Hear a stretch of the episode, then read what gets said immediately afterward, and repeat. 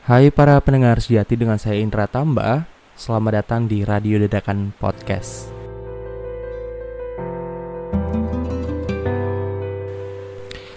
Mungkin teman-teman ngerasa kalau podcast kali ini tuh ngerasa backsoundnya ribut Tapi ya uh, ini bukan backsound karena sekarang itu posisinya aku sedang ada di kamar dan di luar itu masih hujan cukup lebat dan dengan petir-petir ya dan ini udah jam 18.22 seperti biasa. Aku ngerjain podcast ini di tengah kesibukan tugas aku. Entah kenapa rasanya aku berani sekali tapi ya Kayaknya memang uh, aku harus tetap ngupload aja untuk untuk ngisi keseharian aja sih sebenarnya. Karena aku ngerasa kalau main HP aja kayak percuma gitu. Makanya kadang uh, ngisi-ngisi keseharian dengan ngepodcast kayaknya asik sih Makanya seperti yang udah aku katakan kemarin di podcast ke episode ke-20 mungkin untuk pembahasan kali ini masih sama tentang ketidakpercayaan diri karena aku ngerasa kayak nyaris 22 menit itu 20 menit sih 20 menit bahasin tentang ketidakpercayaan. Kayak banyak ngomong ngelantur gitu jadi terakhirnya pesan yang udah pengen aku sampein mungkin ya mudah-mudahan sih nyampe tapi ya ngerasa kurang karena 30 hal yang udah aku tanyain ke teman-teman semua terkait ketidakpercayaan diri itu ternyata banyak sekali yang bener-bener kena ke aku dan ya aku juga sering ngerasainnya. Makanya entah kenapa rasanya ngebawain topik ketidakpercayaan diri ini kayaknya uh, bener-bener aku niatin sih untuk buatnya biar teman-teman juga bisa ngedengerin teman-teman yang udah sempat aku tanyain juga bisa ngerasain sesuai dengan cerita yang akan aku ceritain ini. Mungkin ya seperti biasa, mungkin akan ada hal-hal yang buat teman-teman merasa tersinggung dan agaknya cerita yang akan aku bawakan ini sedikit kurang setuju dengan teman-teman atau mungkin beberapa dari kalian juga ada yang setuju. Mari ya sama-sama kita meluruskan bahwa di sini aku hanya menceritakan pengalaman sesuai dengan apa yang udah aku rasain dan buat teman-teman semuanya yang mungkin punya pendapatan lain eh pendapatan mungkin punya pendapat lain terkait tentang apa yang bakal aku bawa kali ini dan ya mari kita sama-sama meluruskan sekali lagi bahwa di sini kita boleh mengambil hal-hal yang baik dan setidaknya kita bisa belajar tentang pengalaman-pengalaman yang bisa aku bagikan ke kalian semua. Well, orang-orang setinggi apa pun mereka tetap akan terus belajar dari pengalaman orang lain kan. Untuk itulah aku uh, pengen sih ngajakin teman-teman semuanya dan berharap ada hal-hal yang bisa teman-teman jadikan uh, pembaharuan dalam hidup gitu ya, cile pembaharuan. Ya, pokoknya adalah inti yang teman-teman bawakan setelah mendengarkan podcast kali ini. Sekali lagi aku pengen nekanin entah kenapa rasanya aku pengen sekali bawain topik percaya diri ini karena aku ngerasa dengan tidak memiliki percaya diri kita bisa kehilangan banyak hal di dunia ini yang harusnya jadi milik kita dan akhirnya kita menyesali diri gitu. Dan di sinilah, di sini saya mau ngajak teman-teman untuk mulai memahami bahwa kita penting loh percaya diri untuk memulai hal-hal baru dan menggapai hal-hal yang seharusnya kita anggap gak bisa padahal bisa gitu. Makanya hal pertama yang juga ternyata sama-sama dirasakan teman aku ketika mereka tidak percaya diri itu disebabkan karena ngerasa nggak pintar.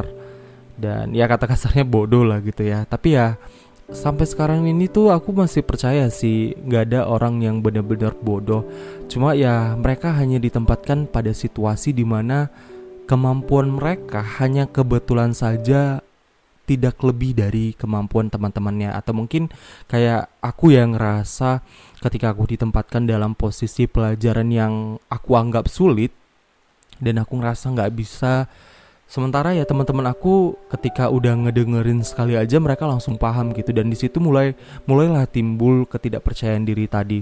Dan ya mulai dari situ tuh aku sadar gitu kalau ternyata bukan karena kemampuan aku yang nggak bisa tapi karena aku yang selalu uh, nganggap bahwa semuanya ini cukup dan nggak mau buat latihan gitu dan dan mulai dari situ ya aku aku mulai menyadari bahwa semua persiapan yang selama ini aku persiapkan itu nggak lebih dari teman-teman aku yang nyatanya kemampuannya sudah terlampau jauh untuk aku imbangi. Dan mungkin kenapa aku bisa nganggap bahwa diri aku uh, ngerasa lebih bodoh dari mereka atau mungkin kata halusnya nggak pintar lah ya dari mereka gitu. Karena mungkin ya kita ngelihat dari persiapan yang udah mereka lakuin. Dan mungkin kita kalau kita bandingin ya kalau kita bandingin dan terakhir tapi tapi memang pada dasarnya mungkin seperti ini. Mereka yang punya kemampuan lebih pada dasarnya itu pasti memiliki persiapan yang jauh lebih matang dibanding kita. Makanya terkadang ketika mereka udah terjun dalam situasi itu mereka kelihatan lebih siap karena itu tadi persiapan mereka yang lebih matang dibanding kita.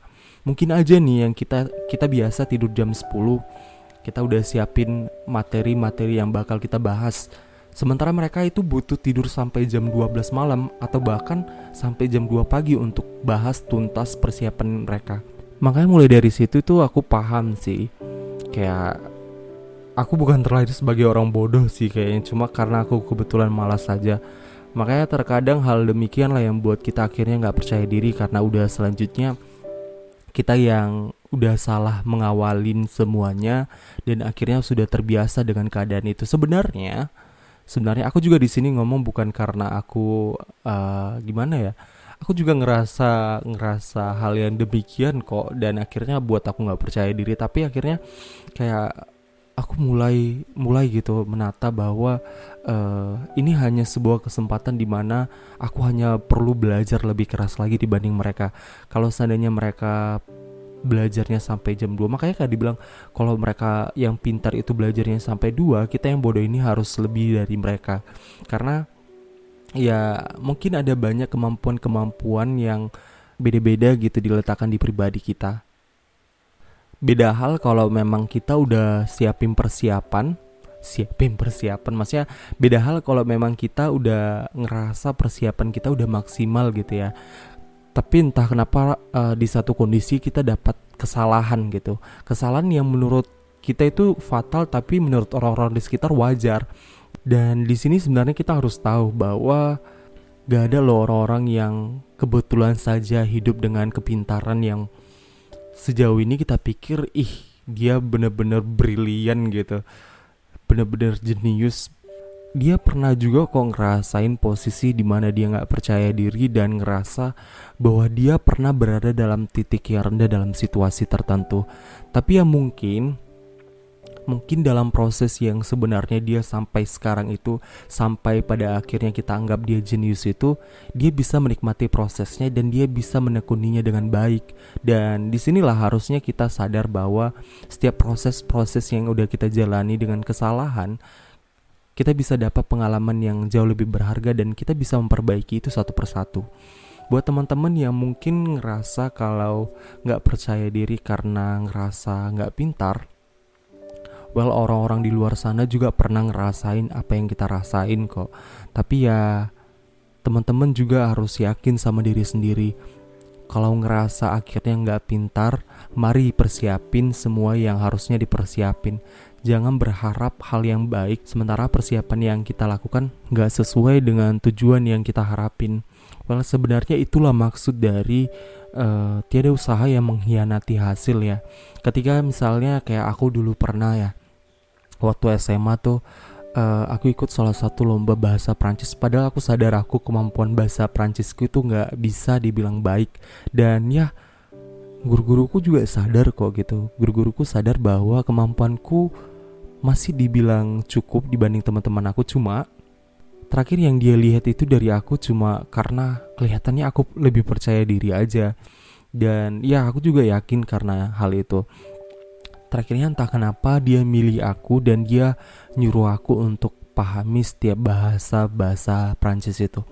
Aku ikut salah satu vokal solo di salah satu universitas negeri di Medan waktu itu dan ya persiapan itu bener-bener sangat mateng dan dia selalu ngecek sih setiap hari gimana perkembangan persiapan yang aku siapin itu. Singkat cerita pokoknya akhirnya aku ikut lomba dan ya waktu di panggung itu uh, rasanya waktu dilihatin sama penonton tangan aku udah gemeteran. Dan terakhirnya aku lupa lirik ya lupa lirik. Dan dan yang kupikiri pertama karena itu aku mewakili sekolah ya. Aku pikir ya si si madam yang ngawanin aku tadi dia bakal kecewa dengan aku. Dan ternyata enggak setelah aku turun dari dari panggung itu ya aku bisa bernapas lega. Dan ya setelah itu aku nggak ngarapin bahwa aku harusnya bisa jadi juara enggak. Aku nggak ngarepin itu semua tapi ya aku ngerasa bangga sih di satu sisi walaupun aku nggak ngasih maksimal waktu itu aku ngerasa bangga karena aku bisa untuk berani uh, membawakan diri ya di depan panggung itu. Dan aku ngerasa panggungnya itu besarnya luar biasa sih kalau dibanding dibanding anak kelas SMA yang harus tampil di depan mahasiswa-mahasiswa dan dosen-dosen yang sebagai juri di sana gitu. Pengalaman yang sampai sekarang ini aku masih ingat gimana rasa jantungannya. Dan mulai dari situlah mulai dari situ aku mulai paham bahwa persiapan yang matang, persiapan yang benar-benar serius dan mungkin diperlukan namanya uh, usaha yang benar-benar belum tentu menghasilkan tujuan yang sesuai dengan apa yang kita harapin. Kita nggak tahu ada akan ada banyak saingan di luar sana. Kita juga nggak paham bahwa uh, yang kita persiapin ini tuh masih belum seberapa dibanding orang-orang di sekitar kita, dibanding orang-orang yang bakal ngikuti tujuan yang sama dengan kita. Makanya terkadang itu tadi uh, kita nggak boleh nganggap diri kita remeh, kita juga nggak boleh nganggap uh, bahwa kita nggak bisa. Terlepas dari apakah aku gagal waktu itu, guru aku itu cuma bilang bahwa kamu udah ngecoba gitu, kamu udah mencoba dan paling tidak aku nggak malu-maluin lah ya. Sebenarnya bukan di bukan gagal sih cuma ya aku nggak bisa dapat juara aja untuk kontes itu. Dan untuk hal itulah aku sudah menilai diri aku sudah sejauh mana sih kemampuan kita dibanding orang-orang di sekitar kita? Kadang kita perlu membangun percaya diri dengan menilai diri kita dengan orang-orang di sekitar kita. Kadang ya kalau kalau dipikir-pikir ya, yang bangun percaya diri itu bukan orang-orang di sekitar sih, tapi adalah diri kita yang benar-benar paham tentang kelemahan dan kelebihan kita, tentang di mana posisi yang benar-benar buat kita nyaman dan kita betah di sana gitu. Makanya kayak kayak misalnya setiap kali aku pengen nge-MC gitu kan, dan aku udah punya percaya diri untuk tampil nih tapi sementara kita nggak tahu posisi penonton itu yang kita hadapin gimana. Makanya setiap kadang aku akan memulai, aku cari dulu hal-hal yang bisa buat aku nyaman dan mungkin aku bisa menarik perhatian penonton. Makanya terkadang aku nggak, aku nggak selalu meminta paksa para penonton untuk tetap harus tepuk tangan ketika aku ngomong enggak. Tapi ya aku mulainya dengan kata pengantar yang mungkinnya agak menarik perhatian mereka. Makanya kayak aku pernah belajar gitu. Nggak belajar sih aku kayak pernah baca gimana sih MC bisa narikin perhatian dari penonton. Makanya kayak dia bilang jangan paksa penonton untuk kasih perhatian ke MC sementara MC memulainya dengan sangat kaku dan mulai dari situlah aku mulai sadar kalau ternyata kita lah yang sebagai pembawa acara sebagai MC-nya memegang kunci keberhasilan dari satu acara itu dan kita harus menarik perhatian no penonton untuk buat kita sebagai MC lebih percaya diri bahkan sampai uh, acara akan selesai. Sebenarnya udah kejauhan sih ya terkait tentang ngerasa nggak pintar ini tadi. Cuma ya aku mau bilangin bahwa uh, percaya diri ini juga bisa dibantu dengan orang-orang di sekitar dan pada dasarnya diri kita sendirilah yang mengawali semua percaya diri itu tadi jangan remehin lah kemampuan kita sendiri. Jangan mau kita dianggap lemah sama orang di sekitar kita. Jangan mau kita diklaim dengan orang-orang yang berkualitas rendah sama orang di sekitar. Kadang kadang kita yang ngerasa bodoh atau ngerasa nggak pintar itu karena kita terlalu berpikir bahwa kita yang terlalu jauh dari mereka. Sementara sebenarnya mereka nggak pernah nganggap kita seperti itu. Makanya ketika ngerasa bodoh Jangan buat diri kita semakin bodoh dengan mendoktrin bahwa kita adalah orang yang bodoh. Jangan ngerasa nggak mampu kalau usaha aja nggak ada kita lakuin. Makanya ada quotes yang kemarin sempat aku baca dia bilang, bahwa mimpi yang kita ukir adalah bukti usaha yang udah kita lakukan.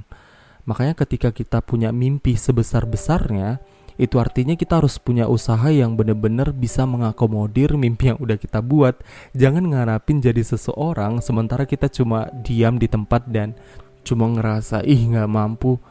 Padahal kita nggak nggak ada usaha apa pun bahkan untuk mencoba latihan aja enggak gitu. Ini benar-benar udah kepanjangan sih terkait tentang rasa nggak pintar itu karena kebetulan juga aku sering sering sekali ngerasain itu. Tapi ya itulah teman-teman bisa nganggap bahwa kita mampu kok cuma hanya kebetulan kita nggak persiapin semuanya dengan maksimal. Dan untuk yang berikutnya hal yang buat kita nggak percaya diri itu adalah takut dikritiki. Kita nggak bisa maksa sih untuk menerima gitu menerima semua kritik yang orang-orang lain kasih ke kita. Tapi ya kayak yang udah aku bilang di episode sebelumnya ya akan ada banyak kritik-kritik yang akan sampai di kita. Akan ada banyak hal-hal yang bahkan bisa buat kita jatuh gitu loh.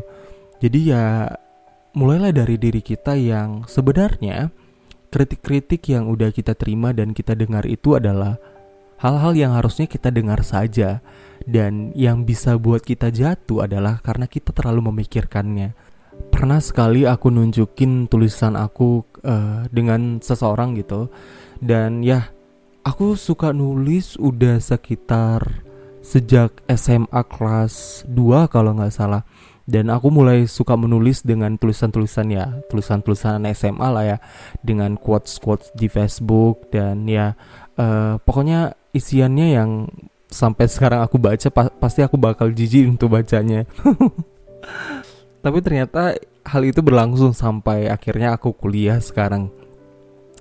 Pernah sekali aku nunjukin ya cerita aku sama salah satu so sama salah satu orang teman aku dan ternyata setelah itu komentarnya agak tidak tidak menyenangkan dan aku nggak suka dengan komentar yang ternyata tidak seperti tidak menghargain gitu dan hal itulah yang terakhirnya membuat aku memilih tidak mempublis kepada orang-orang di sekitarku dan aku memilih untuk tidak menunjukkan pribadiku sebagai seorang penulis setiap kali aku nulis cerita. Hal itu akan berlangsung sangat lama beberapa saat kemudian karena aku udah mulai nggak percaya diri dengan tulisan aku yang rasanya agak lucu kalau mendengar komentar dan mengingat komentar dia.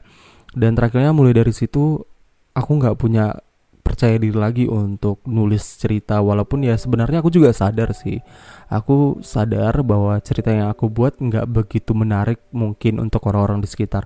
Tapi entah kenapa rasanya setiap kali aku nulis ya namanya juga karya sendiri ya. Kalau misalnya nggak kita yang menghargain siapa lagi gitu?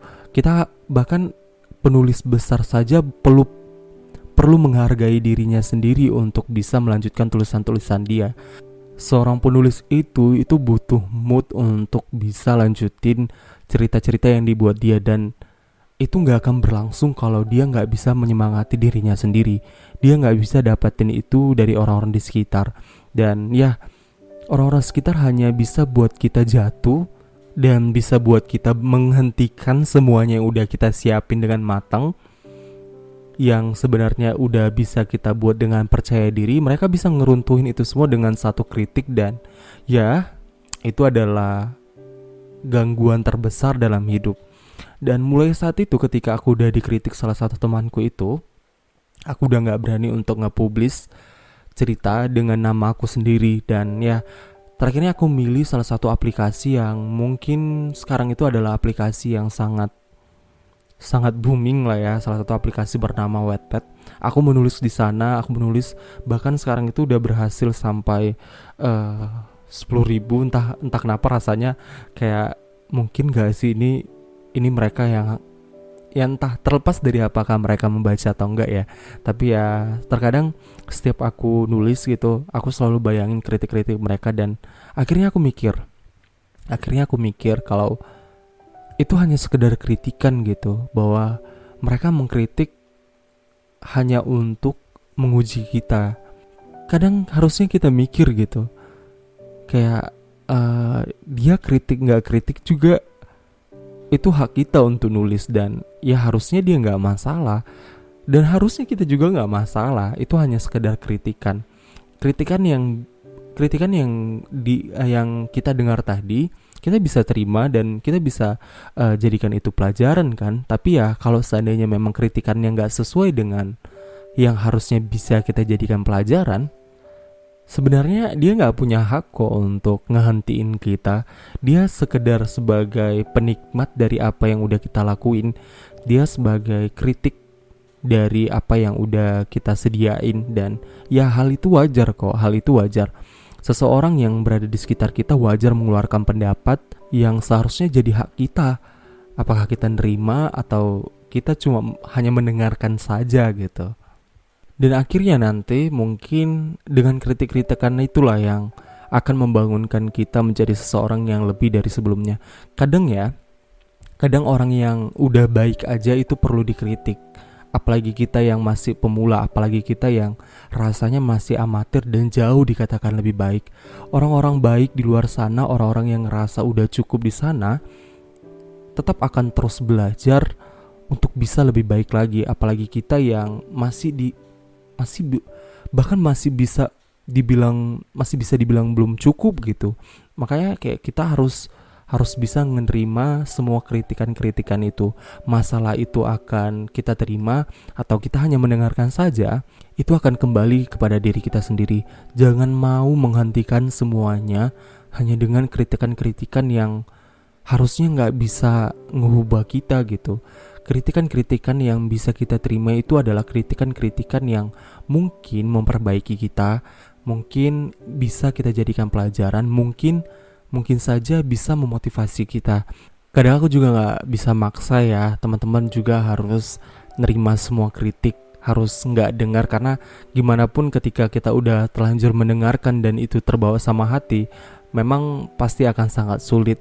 Tapi ya itu tadi, bahwa karena ini terkait tentang percaya diri, please jangan mau menghentikan semuanya, menghentikan yang kalian sedang kerjakan hanya dengan karena kritikan-kritikan dari orang-orang di sekitar. Aku ngomong gini bukan karena aku juga dalam keadaan baik-baik aja ya waktu nerima kritikan orang lain enggak tapi yang sesuai dengan apa yang aku udah alamin rasanya enggak nggak cocok gitu kalau misalnya kita ngehentiin karena hanya dengan kritikan orang lain kadang ya itu sama aja kayak ngerugiin kita. Sementara orang-orang di sekitar kita itu dengan mudah mengeluarkan suara ucapan kalimat dan meruntuhkan semuanya. Ya gitulah. Makanya terkadang cobalah untuk memahami bahwa boleh kita boleh mendengar dan tapi hak kita kok untuk tetap mendengarkannya atau menjadikannya sebagai pelajaran. Tapi mohon untuk tidak menghentikan apa pun yang sedang dikritik. Dan terkadang yang dianggap orang nggak baik sementara apa yang kita lakukan benar itu akan menjadi hal yang sulit sih. Tapi ya cobalah lakukan hal itu jika hal itu akan menjadi baik untuk diri kita sendiri. Intinya jangan maulah dengar-dengar kata-kata orang kalau memang hal itu untuk menjatuhkan kita ya kecuali untuk memang benar-benar untuk membangun kita. Dan untuk yang selanjutnya yang ketiga hal-hal yang ternyata bisa buat kita nggak percaya diri ini ini cukup lucu sih. Dan itu karena nafas bau ya. Kadang gimana ya nafas bau itu entah kalian ngerasa nggak sih? Entah kalian pernah ngerasain ini atau enggak tapi ya kakakku itu ada salah satu uh, kakakku yang di mana dia cukup sensitif gitu. Dia hidung dia sensitif sekali dengan keadaan-keadaan di sekitar. Jadi ya sering sekali orang-orang di sekitar dia itu karena kebetulan dia orang yang ceplos-ceplos gitu kan. Kalau dia ngerasa bau dia langsung bilang gitu bau nafasmu bau, bau gitu. Dia sering sekali ngomong gitu. Makanya kadang kita yang berbicara di tempat tertentu misalnya ketika sadar nafas kita bau pasti kita ngerasa nggak percaya diri lah gitu dan untuk hal itu itu sebenarnya nggak susah sih buat teman-teman yang ngerasa nafasnya bau ya. Apalagi ini akan berdampak dengan kesehatan orang-orang di sekitar. Ya mohon maaf. Mohon maaf sekali. Sikat gigi itu murah. Dan tolong belikan uh, pasta gigi ya. Pasta gigi murah kok. Jadi ya berusaha untuk menjaga diri lebih baik biar orang-orang di sekitar juga nggak terganggu. Kadang hal-hal yang baik untuk kita juga bisa menjadi baik untuk orang-orang di sekitar gitu. Jangan buat dosa jangan buat orang-orang di sekitar mikirin negatif karena hanya dengan nafas yang bau. Jadi ya makanya kadang uh, kalau aku ya kalau aku ngerasa nafasku udah bau aku selalu sediain permen permen min gitu. Karena ya aku termasuk orang-orang yang bakal tidak percaya diri jika ngerasa nafasku bau. Ya itulah itulah. Mungkin teman-teman yang nggak sadar ya orang-orang di sekitar terganggu dan akhirnya masalahnya kalau kita ngerasa masih enak sih. Ini udah orang-orang di sekitar udah ngerasa tapi kitanya nggak nggak merasa itu agak agak susah lah ya agak susah ya. Jadi melalui podcast ini mudah-mudahan teman-teman yang ngerasa nafasnya bau tapi nggak peduli dengan orang-orang di sekitar mohon maaf bapak ibu. Mohon maaf. Silakan gosok gigi ya silakan gosok gigi. Dan ya uh, hal sederhana yang ternyata nggak terpikirkan dalam pikiran kita mungkin itu akan berdampak besar untuk orang-orang di sekitar Ya, untuk yang ketiga ini mungkin agak sedikit receh, tapi ya hal ini agaknya sering terjadi sama orang-orang dan mungkin kita harus sama-sama paham bahwa kebersihan berasal dari iman. Nah, itulah maksudnya ya. Jangan buat orang akan ngerasa imannya terkotori karena kita yang nggak bersih. Nah, itulah dia ya kita sama-sama pahami lah bahwa itu sangat penting untuk kita sendiri bahkan untuk orang-orang di sekitar kita. Dan sepertinya topik ini akan berakhir di sini.